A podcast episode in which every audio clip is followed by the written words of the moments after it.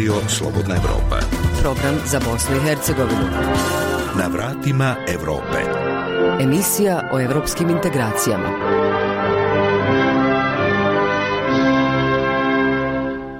Srdačan pozdrav, poštovani slušalci. U ovoj emisiji za vas smo pripremili. U Europskom parlamentu konačno postignut dogovor o iznosu i namjeni novca iz IPA 3 instrumenta. Instrument za finansiranje zemalja kandidatkinja za članstvo u Evropskoj uniji do 2027. godine iznosit će 14,2 milijarde eura. Bosna i Hercegovina aktivno uključena u borbu protiv klimatskih promjena. Smatramo da ove teme mogu biti integrativni faktor bosanskog bosansko-hercegovačkog društva. Znate, ne postoji srpski, hrvatski ili bošnjački zrak.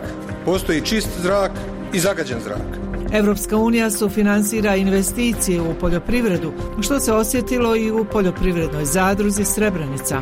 Mi smo prošle godine zaposlili još 15-16 ljudi koji rade za stalno, tako da smo i na taj način pomogli ovom gradu i kroz Malenu nadam se da ćemo i Srebrenicu približiti svijetu u Evropi. Međunarodni program Zanimljivi muzeji se ostvaruje uz pomoć novca evropskih fondova. Podržano je kreiranje jedinstvene turističke ponude sa fokusom na muzeje u Hercegovini i preko graničnom području Crne Gore u svrhu promovisanja regije kao multietničke i kulturno raznolike evropske destinacije. A sada opširnije o ovim, ali i drugim zanimljivim temama.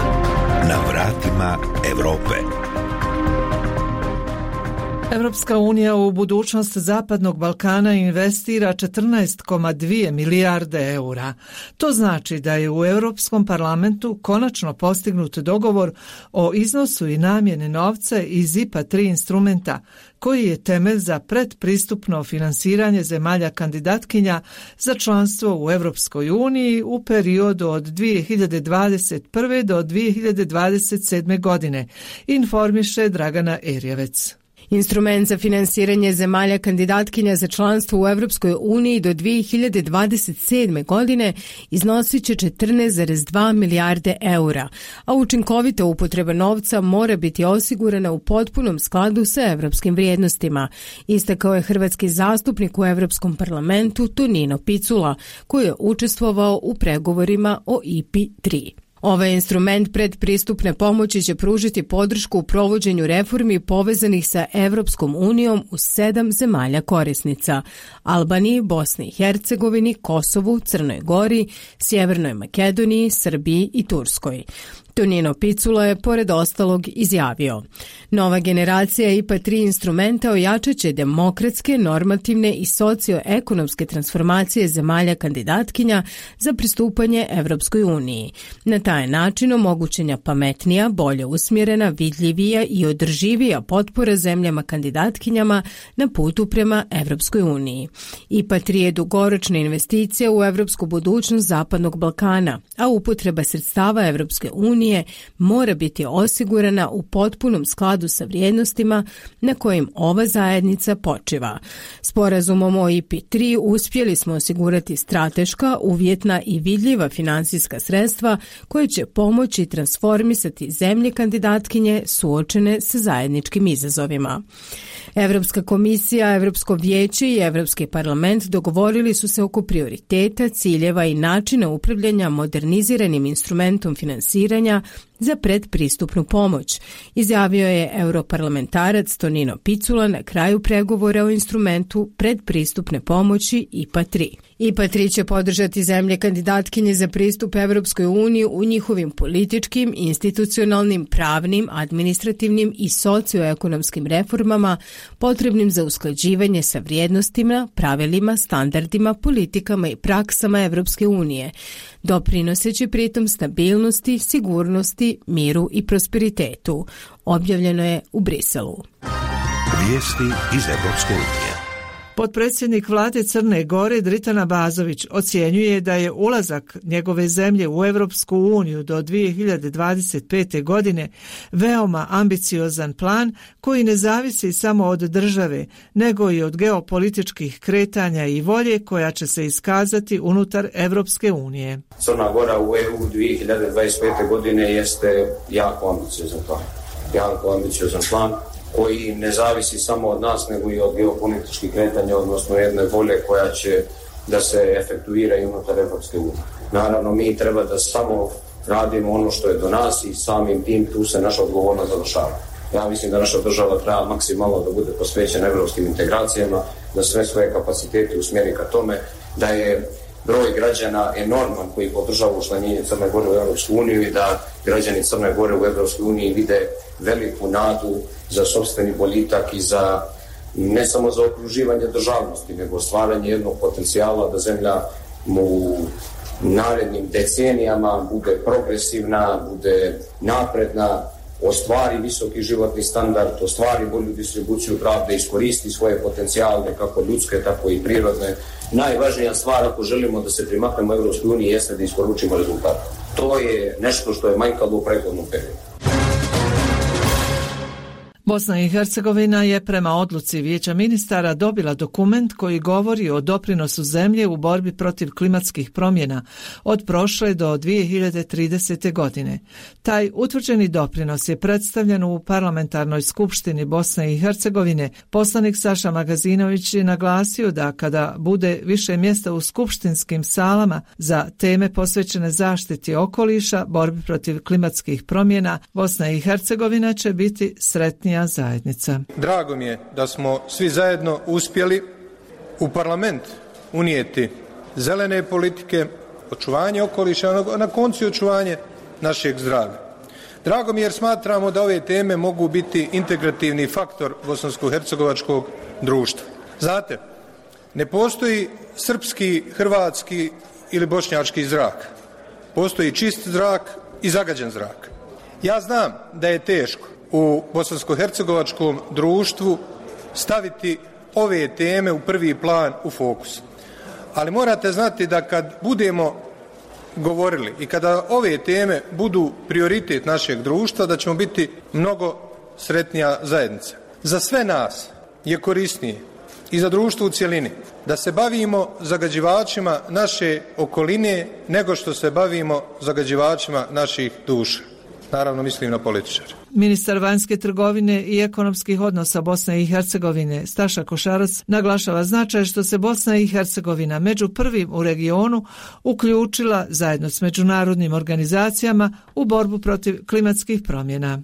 BiH jeste dio Pariškog sporazuma, ali isto tako jesmo i potpisnica Sofijske deklaracije, što nam daje obavezu da zajedno kao i druge zemlje koje su dio Pariškog sporazuma i Sofijske deklaracije intenzivno rade u domenu politika koje su tim zemljama kako bi dali doprinos na oblažavanju klimatskih promjena. I mi smo to uradili. Mi smo svjesni činjenice šta je bilo 2012. kada je bila velika suša u Bosni i Hercegovini. Svjesni smo činjenice šta je bilo 2014. godine kad su bile velike poplave i iz tog aspekta cijeneći sve preuzete obaveze i pariškim i sofijskim dokumentom šaljemo jednu jasnu poruku iz Bosne i Hercegovine da želimo da se bavimo zelenim politikama i želimo da na adekvatan način artikulišemo naše neophodne potrebe kako bi donosili određene mjere koje bi ublažavale evidentno prisutne klimatske promjene. Treba reći da je Bosna i Hercegovina prva zemlja u regiji Zapadnog Balkana koja je to uradila. Ja mislim da treba to apostrofirati i to mi je priča. Isto tako hoću da kažem da smo obavijestili sekretarijat jedne nacije, konvencije o promjeni klime, svim našim aktivnostima u svojem dokumentu i definisani focal point za Bosnu i Hercegovinu u ovom kontekstu je Ministarstvo prostornog rađenja i ekologije vlade Republike Srpske. Steljana Nedera, rezidentna predstavnica razvojnog programa Ujedinjenih nacija UNDP, podcrtava značaj Pariškog sporazuma i obaveza koje imaju zemlje potpisnice. The Paris Agreement has asked all countries that ratified it Prema Pariškom sporazumu sve zemlje e, potpisnice imaju tu obavezu da ažuriraju e, svoje ciljeve svakih 4 do 5 godina tako da je 2019. E, godine su Ujedinjene nacije najavile svoje obećanje da će zemlje članice da izvrše reviziju i da uspostave i još ambicioznije ciljeve u vezi smanjenja stakleničkih gasova. Tako da tokom 2020. godine razvojni program jednih nacija je radio sa Bosnom i Hercegovinom eh, na reviziji utvrđenih eh, doprinosa. Rezidentna predstavnica Ujedinjenih nacija u Bosni i Hercegovini Ingrid McDonald podsjeća na ciljeve UN-a u oblasti klimatskih promjena, naglašavajući da je dobra odluka Bosne i Hercegovine da se uključi u njihovo ispunjavanje. The United Nations Secretary General Antonio Guterres reminded us Generalni sekretar Ujedinjenih nacija Antonio Guterres nas je podsjetio da narednih deset godina predstavlja posljednju šansu da izbjegnemo klimatsku katastrofu. I ono što je bitno ovdje jeste da je e, Bosna i Hercegovina jedna od prvih e, zemalja u području Zapadnog Balkana koja je to uradila, odnosno usvojila je ažurirane utvrđene doprinose i tako je pokazala liderstvo u regionu tako što je preuzela odgovornost e, u našem udjelu borbe protiv ovog najvećeg globalnog izazova, a to je klimatska kriza. Slušate program Radija Slobodna Evropa. Europska unija sufinansira investicije u poljoprivredu kojima će se u okviru posebnog projekta podržati 2600 poljoprivredno-prehrambenih proizvođača u Bosni i Hercegovini do 2024. godine. Sredstva su namijenjena za preradu voća, povrća, mlijeka, mesa i ribe. Upravo uz podršku Europske unije, opšta poljoprivredna zadruga Srebrenica uspjela je dobiti novu opremu. Osim toga, na određeni način zadruga je pomogla svoje kooperante malom mehanizacijom kako bi im olakšala rad na plantažama maline. Opširnije Sadik Salimović. Pogon opšte poljoprivredne zadruge Srebrenica nalazi se u Potočarima i ova kompanija ima širok spektar djelovanja. Ivan Todić, direktor zadruge. Opšta poljoprivredna zadruga Srebrenica se bavi osnovnom delatnošću otkupom zamrzavanjem, prebiranjem, selektovanjem zamrznutog jagočastog voća maline i kupine. Pored toga imamo i sobstvene plantaže gdje proizvodimo organsku malinu i kupinu. U prošloj godini smo krenuli sa proizvodnjom neke određene količine jestivog krompira koje realizujemo sa trenutno na tržištu Bosne i Hercegovine. Zadruga iz Srebrenice redovno dobija posticaj od entitetskog ministarstva, ali ovih dana dobila je i grant sredstva od Evropske unije, kaže Todić. U prošloj godini smo aplicirali za sredstva Evropske unije preko UNDP-a i Českke razvojne agencije. Sredstva su obezbedila Evropska unija, to je u skladu sa projektom od 2020. do 2024 i mi smo aplicirali za naše kooperante i za nas da dobijemo sitnu mehanizaciju i jedan dio mašina za, za našu proizvodnju. A mi smo aplicirali za mašine koje nam služe za mahom higijenu, hladnjače, to su mašine za čišćenje podova, mašine za pranje gajbi i nabavili smo mlin za mljevenje malene. Ukupan iznos kompletnog projekta iznosio 194.000 maraka. Mi kao firma smo bili dužni da o, realizujemo projekat do kraja, isfinansiramo, da bi na kraju e, Evropska unija refundirala ta sredstva u iznosu od 75%, a sitni proizvođači i mi da učestvujemo po 25% u projektu. Todić napominje da Srebrenčka zadruga pomaže i kooperantima kako bi ostvarili što veću proizvodnju na svojim plantažama. Srebrenčka zadruga je prošle godine otkupila oko 800 tona maline. Plan za ovu sezonu je da se otkupi i plasira oko 1200 tona maline. Ovih dana treba da počne sezona branja i otkupa maline. Malina ove godine da kasni nekih 20 dana. Što se tiče nas, mi smo prošle godine cijelu godinu radili. Ovde na ovom području uglavnom se radi o sortama koje idu u hladnjače, zamrzavaju se na, idu na duboko zamrzavanje, posle se vrši selektovanje, sortiranje i radi se o pakovanjima takvu robu duboko zamrznutu šaljemo prema našim kupcima. Ove godine otvara se novo tržište u Sjevernoj Americi. Se do sad je to bila Južna Amerika, dosta robe preko 70-80% se izvozilo u Evropu, jedan dio u Tursku i to svake godine trudimo se da otvorimo neko novo tržište. A to što je srebrenička malina sve više prisutna na tržištu Evrope i svijeta pokazuje da se radi o zaista kvalitetnom i eko proizvodu, napominje Todić.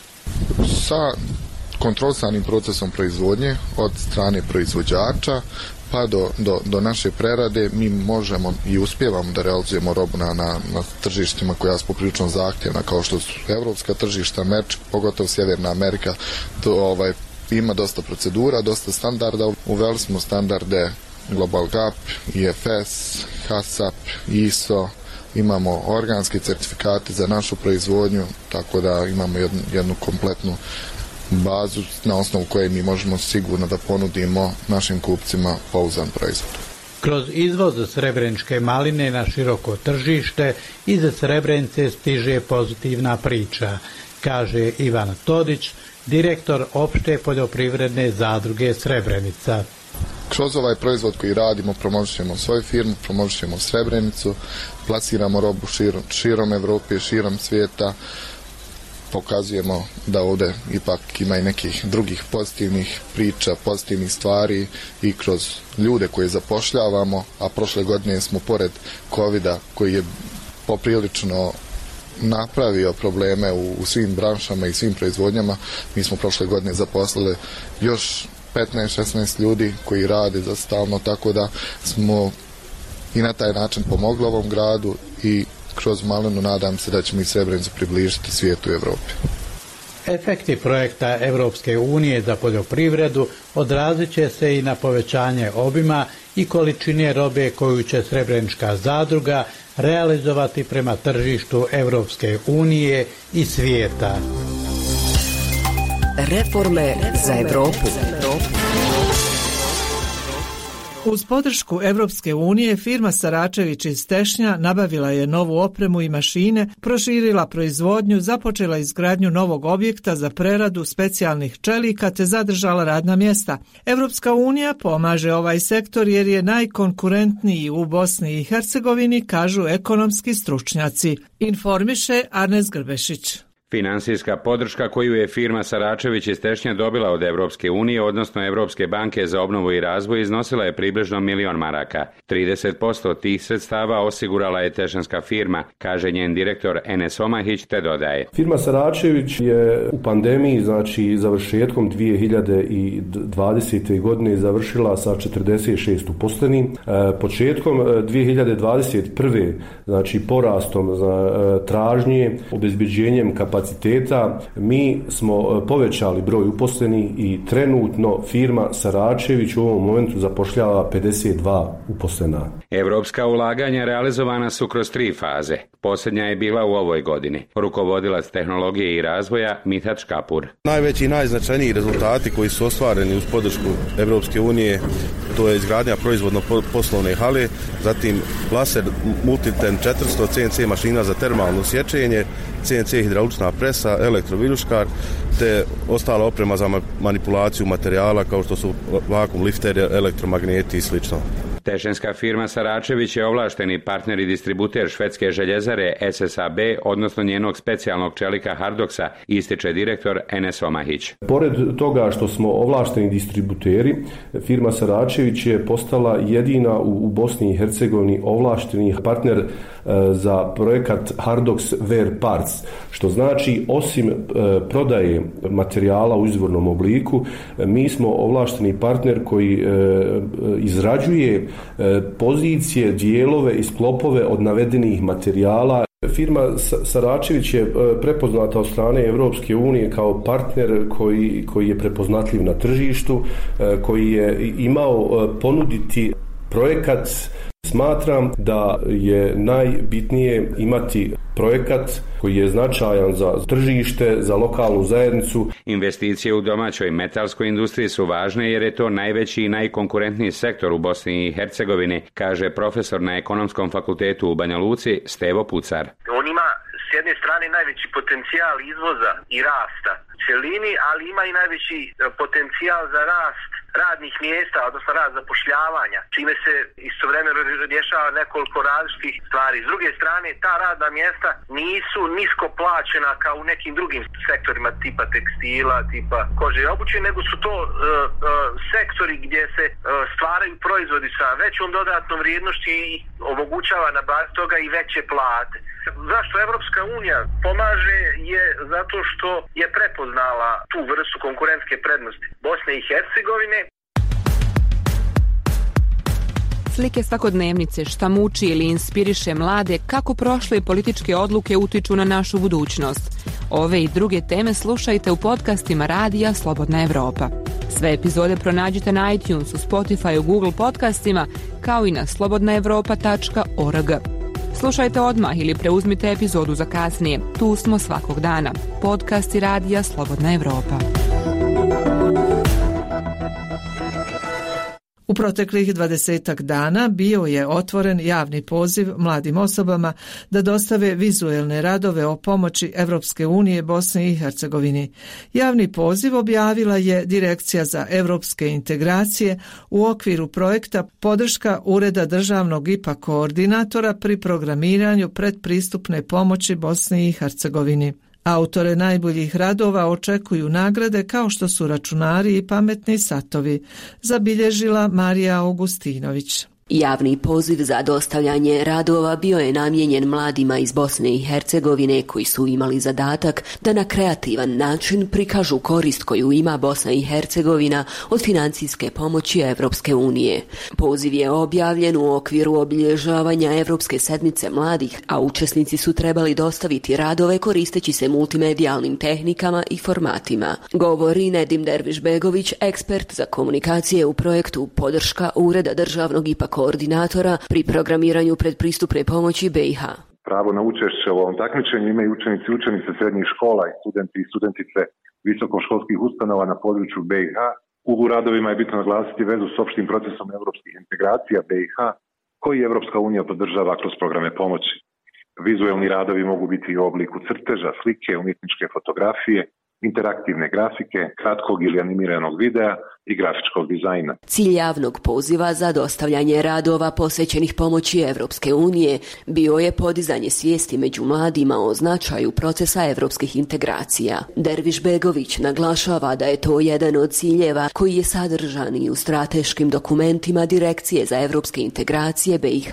BiH je od 2007. do 2020. kroz IPA primila podršku u iznosu od 1,2 milijarde eura između ostalog za programe kao što su oni za studentsku razmjenu Erasmus Plus ili za podršku poduzetnicima Kosme i naučnicima Horizon Europe. Cilj ovog javnog poziva je i u skladu sa strateškim dokumentima direkcije koji se odnose na komunikaciju o procesu pristupanja BiH u Europsku uniju, prema kojima su mladi jedna od ciljnih grupa u ovom procesu. Prema zadnjem istraživanju javnog mišljenja DEI-a iz oktobra prošle godine, Očekivanje građana je da će mladi imati najviše koristi od pristupanja BiH u Evropsku uniju. Derviš Begović naglašava da Direkcija za evropske integracije BiH u skladu s mogućnostima nastoji komunicirati s mladima u Bosni i Hercegovini kako bi ih informirala o svim prednostima i izazovima koje donosi integracijski proces. Kako kaže, proteklih godina su također organizirane različite aktivnosti koje su mlade poticale na učenje te korištenje talenata i vještina. Tim ciljem DEI organizira različite aktivnosti koje potiču mlade na uključivanje. Neke od aktivnosti su takmičenje u znanju radnih jezika EU, zatim predavanja za studente i srednjoškolce vezano za teme iz procesa pristupanja u Evropsku uniju. Na primjer, jedno tako održano je prošle sedmice u Mostaru za studente novinarstva i odnosa s javnošću o temi procesa pristupanja kao temi za novinarsko izvještavanje, a u širokom brijegu za srednjoškolce o temi zaštite ličnih podataka povodom Evropskog dana kulturne baštine u septembru da i planira i likovnu koloniju za studente Akademija likovnih umjetnosti u BiH. Mladi i evropske integracije. Početkom ovog mjeseca za 12 turističkih agencija i radnika iz Bosne i Hercegovine, Crne Gore i Hrvatske organizovane su posjete muzejima u Konjicu, Jablanici, Mostaru i Ljubuškom, tokom kojih se razgovaralo o mogućnostima saradnje. Projekat pod nazivom Zanimljivi muzeji kroz program prekogranične saradnje Bosna i Hercegovina, Crna Gora finansira Europska unija informiše Kenan Šašić. Više od 20 muzeja i turističkih organizacija i agencija učestvuje u kreiranju ponude koja će uključivati i ruralna područja. Cilj je ostvariti saradnju između muzeja i turističkih agencija na osnovu koje će agencije kreirati konkretne paket aranžmane sa fokusom na posjete muzejima. Rasim Tulumović, voditelj projekta Zanimljivi muzeji. Sada smo u fazi projekta kada to promovišemo prema turoperaterima, prema onima koji treba da dovedu više posjetilaca u te muzeje. Trenutno organizujemo posjetu jedne manje grupe turoperatera iz Bosne i Hercegovine i Crne Gore zajedno sa predstavnicima muzeja. Cilj je upoznati se ne samo sa muzejom u Jablanici nego i u Konjicu, Mostaru, Ljubuškom. Sve te muzeje smatramo zanimljivim, upoznati im sa ponudom tih muzeja, sadržajem, da bi oni na osnovu toga mogli poboljšati svoju saradnju, znači muzeji i turoperateri, odnosno turističke agencije i na kraju dovesti više turista Zbog novonastale situacije izazvane pandemijom, veliki je interes putnika za putovanjima u regiji. Turistički radnici pokušavaju kreirati i ponuditi nove sadržaje posjetiocima. Istovremeno, mnogo je izazova sa kojima se susreću institucije kulture. Puno je problema, kao što vidite iz medija, jednostavno moram reći da državna vlast se oglušuje u zahtjeve turističkih radnika, da olakšaju ulazak turista iz određenih zemalja, da olakšaju ulazak na kraju krajeva turistima iz svih zemalja koji imaju imaju negativan PCR test. Znači sad smo trenutno država koja ima besmisleno najstrože kriterije za ulazak, znači strože, lakše ući u Njemačku nego u Bosnu i Hercegovinu. Situacija, odnosno turizam u doba pandemije je teška i onda oni dodatno otežavaju turističkim radnicima koji se zaista bore da prežive ovu sezonu i da, da je učine smislenom. Nadamo se da će pod pritiskom svih nas, jer svi se moramo uključiti jednostavno donijeti neophodne odluke i olakšati turističkim radnicima rad. Zahvaljujući projektu Zanimljivi muzeji u narednom periodu se očekuje slična posjeta muzejima Crne Gore kao i njihova promocija. Jelena Đukanović, direktorica javne ustanove Muzeji i galerije Nikšić. Mi smo prvi put sada ovde i potpuno smo impresionirani i postavkom, već moja generacija naravno zna dosta o drugom svetskom ratu i sve ono što smo učili i što smo gledali na filmu sada vidimo. I to je zaista jedan potpuno drugačiji utisak i naravno preporučujem svima da pogledaju ovu vrstu postavke, a naročito postavku koja će biti unapređena VR sadržajem i uopšte sadržajima savremene tehnologije, jer smatramo da u savremenoj muzeologiji je veoma važno da se upravo klasične muzejske postavke u potpuno savremenim tehnologijama kako bi pre svega bile pristupačnije i shvatljivije najmlađoj publici. Pandemija koronavirusa je dovela do drastičnog pada broja posjetilaca i u muzeju bitka za ranjenike na Neretvi. Poređenja radi, muzej je 2019. godine prodao nešto više od 18.700 ulaznica, što predstavlja rekordnu posjećenost kada je u pitanju posljeratni period. Prošle godine 4.300. I dok su dosadašnji projekti uglavnom bili usmjereni na očuvanje same zgrade, projektom Zanimljivi muzeji ulaže se u sadržaj ponude muzeja. Azra Đelmo, direktorica javne ustanove Muzej bitka za ranjenike na Neretvi Jablanica. Cilj posjete jeste da se predstavi muzej, da se predstavi sve ono novo što smo uradili u muzeju u proteklom periodu kroz projekat Zanimljivi muzej i naravno da se uspostave neki zajednički programi saradnje. Pa prije svega mislimo na digitalizaciju, na naš projekat Bitka na Neretvi VR i uređenje tog virtualnog kutka u muzeju, na nove izložbe, izložba prema modernom društvu, izložba rat i umjetnost i evo čitav ovaj neki proces, kako smo ga mi nazvali, oživljavanja muzeja putem uvođenja modernih sadržaja. Projekat Zanimljivi muzeji kroz program prekogranične saradnje Bosna i Hercegovina i Crna Gora finansira Evropska unija, a zajednički ga provode Udruženje Link iz Mostara u saradnji sa Nacionalnim muzejom Crne Gore i općinom Jablanica. Ukupna vrijednost projekta je blizu 400.000 eura, od čega Evropska unija finansira oko 300.000 eura. Slušajte nas, gledajte nas, čitajte nas. Sve na jednoj adresi slobodnaevropa.org. Toliko poštovani slušalci u ovoj emisiji radija Slobodna Evropa. Mnoštvo zanimljivih sadržaja potražite na našoj web stranici i na zvaničnim nalozima na društvenim mrežama. Iz Sarajeva vas pozdravljaju Enes Hrnječić i Gordana Sandić-Hadži Hasanović.